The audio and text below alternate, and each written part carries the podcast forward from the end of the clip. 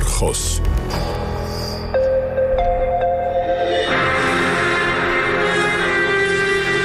Voor het eerst is er weer een Nederlandse IC-coronapatiënt naar Duitsland vertrokken om de druk op Nederlandse ziekenhuizen te verlagen. Zo begon het NOS-journaal van vrijdag 23 oktober. Het was een bijzondere dag, omdat ook tijdens de tweede golf de nood in de Nederlandse ziekenhuizen zo hoog was dat intensive care patiënten die besmet waren met corona naar Duitsland moesten worden overgeplaatst. De patiënt gaat met een helikopter van het Flevo ziekenhuis in Almere naar Münster in Duitsland.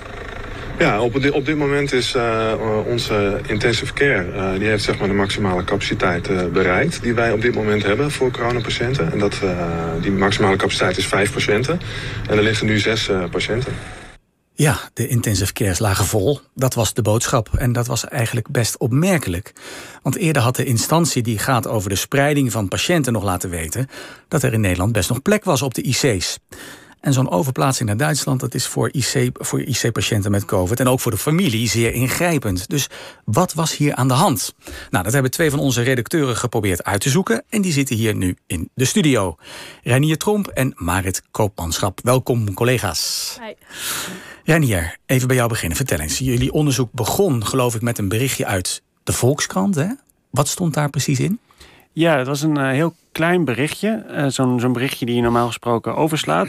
En uh, daar stond in dat er acht, 80 bedden geregeld waren in 48 Duitse ziekenhuzen. Mm -hmm. En er stond ook in dat de situatie bedreigend was. Maar tegelijkertijd sloot het berichtje af met dat het LCPS, dus het Landelijk Centrum voor Patiëntenspreiding, mm -hmm. nog wel capaciteit had. En en we vonden dat wel vreemd. Ook al in deze fase van, uh, van de crisis, hè, drie weken geleden, uh, waarin er uh, nog nou ja, niet zoveel patiënten op die IC lagen. Ja, dus ja daar gingen we, gingen we verder kijken. Ja, dus Nederland had in Noord-Rijn-Westfalen 80 IC-bedden gereserveerd. terwijl er dus voldoende capaciteit mogelijk was. Marit, hoe, wat wilde je dan precies te weten komen? Hoe zijn jullie begonnen? Wij wilden eigenlijk weten hoe hoog die nood precies was. Ja. En daarom hebben wij probeer, geprobeerd om in kaart te brengen wat de situatie was met de in Nederland. Op die 23 oktober, de dag dat twee patiënten dus naar uh, Duitsland werden verplaatst in Münster. Ja, en, en was dat makkelijk te achterhalen?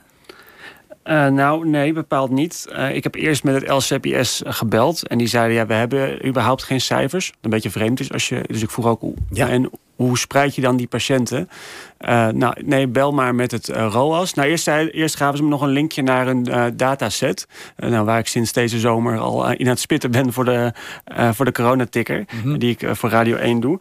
maar goed, ze stuurden ons door naar het ROAS. Dat, dat, zijn eigenlijk, dat is de vereniging waar al die ziekenhuizen bij zijn aangesloten. Dus je hebt uit mijn hoofd elf ROAS'en in Nederland. Ja. En nou, die reageerden matig op ons bezoek. Er waren er een paar. Die gaven, die gaven de cijfers. Hè, hoe, de spreiding van patiënten was, zowel corona als niet-corona, uh, op de IC.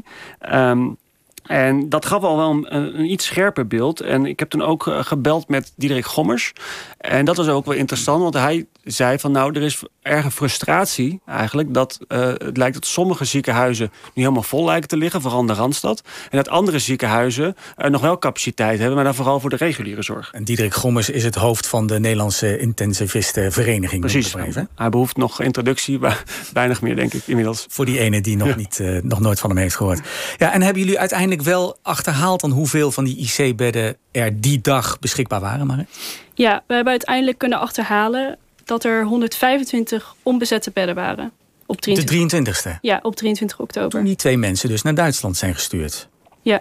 Maar is, is dat, dat klinkt alsof je ja, niet, niet alsof de nood nou zo hoog was om dan patiënten naar Duitsland Ja, dat zou je inderdaad denken als je het hoort. Ja. En daarom heb ik ook afgelopen donderdag met Ernst Kuipers gesproken hierover. En hij zei dat het eigenlijk best wel normaal is dat er landelijk zoveel bedden beschikbaar zijn.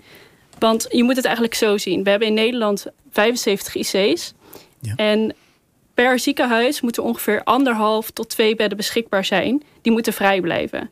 Dat is bijvoorbeeld voor spoedopnames of voor mensen die een zware operatie hebben gehad. En voor die daarna naar de IC worden overgeplaatst. Ja, ja. ja. Ja oké, goed. Maar dat is dan gemiddeld per, per, per land. Hè? Gemiddeld over het hele land. Dat lijkt dan veel. Maar ik neem aan dat je, dat je ook hebt gekeken naar de regio's. Want ik kan me herinneren dat er per regio wel grote verschillen waren. Renier? Ja, we krijgen, we kregen uiteindelijk de beschikking over de interne cijfers van het coördinatiecentrum patiëntenspreiding. Uh, dus die club van Ernst Kuipers. Uh, die wilden ze ons eerst absoluut niet geven. Of die hebben ze ook niet gegeven, maar nou, het, het, lukte ons toch om ze te krijgen. Mm -hmm. En daarin stond aangegeven hoeveel vrije bedden elke regio had uh, op die 23 oktober. En dat was interessant, want daaruit blijkt dat met name in de regio Noord en de regio Zuidwest er behoorlijk wat IC-bedden vrij waren. in de regio Noord waren dat 29 bedden, verdeeld over 9 ziekenhuizen. En in Zuidwest 38 vrije IC-bedden over 10 ziekenhuizen. En de regio Zuidwest is dus de regio waar Rotterdam onder andere valt. Hmm, dat is wel opvallend. Want, ja, hadden die twee dan niet daar naartoe uh, overgeplaatst kunnen worden, die twee patiënten? Want in het noorden hadden dus de ziekenhuizen gemiddeld zeg maar drie IC-bedden vrij. En in de regio Zuidwest, als ik even snel reken, gemiddeld bijna vier. Dat is meer dan die anderhalf tot twee bedden waar Ernst Kuipers het over heeft. Dus je zou zeggen, dan is er toch plek, Marit? Ja, ja, dat zou je net zeggen. Maar Kuipers had wel een probleem, want hij is de landelijke coördinator van de patiëntenspreiding. Maar hij kon ziekenhuizen niet dwingen om de reguliere zorg af te gaan schalen. Mm. En dus plaatsen maken voor COVID-patiënten uit andere regio's. Dus als ziekenhuizen zeggen, ja, we hebben geen plek. Toen kon Kuipers dus niet zeggen, ja, dan maak je maar plek. Ah, oké. Okay. Hij, had, hij had op dat moment nog niet die bevoegdheid. Dat is wel veranderd, Renier, hè? sindsdien. Ja, nou ja, dat is natuurlijk... Uh, de, het interessante is dat uh, op diezelfde dag eigenlijk... dat uh, die gele helikopter aan terugvliegen was... of op hetzelfde moment dat, dat die gele helikopter aan terugvliegen was uit Duitsland. Dus mm -hmm. dat Ernst Kuipers te zoomen met de minister van Volksgezondheid, Tamara van Ark. Te zoomen? Via, ja, het ging, het ging, het ging via, via, via Zoom, inderdaad. Ja. Okay. en toen heeft zij hem de bevoegdheid gegeven, waar ik de scepter in handen gegeven, om die patiënten te kunnen spreiden. En dat werd vanaf dat moment afdwingbaar. En dus we hebben eerder hebben we inzage gehad in hoe dat voorheen ging. Dat ging dan via Excel-sheets. En dan zag je wat die ziekenhuizen uiteindelijk dan doorgaven, uh, wat Ernst Kuiper mocht verspreiden. Nou, dat waren allemaal uh, lijsten met allemaal grote ronde nullen. Dus Ernst Kuipers zat uh, nullen rond te, te, coördineren. En nu nullen, kan, geen bedden. Geen bedden, precies. Nul patiënten, nul bedden te uh, te coördineren. En nu is het zo dat hij zegt: Oké, okay, we hebben nu zoveel uh, coronapatiënten, regio's, los het zelf maar op. En dit is afdwingbaar en met steun vanuit het ministerie. En werkt dat? Uh, dat werkt behoorlijk goed eigenlijk. Kijk, op die 23 oktober waren er 427 patiënten uh, op de IC. Uh, met COVID, hè? Met COVID, ja, coronapatiënten. op dit moment zijn er 630, dus het is fors gestegen. Maar tegelijkertijd zijn er nul patiënten naar Duitsland gevlogen. En zijn die patiënten dus verspreid over de rest van, ja. van Nederland. En wat denk ik betekent dat veel meer ziekenhuizen hun reguliere zorg hebben afgeschaald. Ja, ja. Ja, Maartje, je zou bijna denken dat die overplaatsing naar Duitsland onder het oog van al die camera's een soort breekijzer is geweest. Om bij sommige ziekenhuizen gewoon IC-bedden los te peuteren. Wat, wat, wat, denk jij? Ja, we kunnen niet bewijzen dat het opzettelijk was. En we hebben het ook gevraagd aan het LCPS. En zij zeggen zelf dat die maatregel die heeft echt niks te maken met die oververplaatsing. Daar is geen verband tussen te vinden. Okay. Ja, maar het is natuurlijk wel opvallend dat, hier, ja? dat, dat zowel uh, het NOS-journaal, RTL Nieuws, SBS 6, het ANP en Omroep Flevoland zijn allemaal ingeseind, uh, al een dag te, uh, van tevoren, om te komen filmen van die vertrekkende, vertrekkende helikopter. Een mediamomentje. nou, en, en daar blijft het niet bij. Diezelfde avond zaten Ernst Kuipers en Tamara van Ark bij op één. op de andere zender op precies hetzelfde moment zat collega Diederik Gommers met hetzelfde verhaal over hoe pijnlijk dit eigenlijk is voor Nederland. En toch een afgang dat we notabene aan Duitsland uh, daar patiënten moeten, uh, moeten, moeten heen vliegen. Mm -hmm. uh, en ik bedoel, het is iets te romantisch. Misschien is dat ook mijn romantische geest om dit de koep van Kuipers te noemen.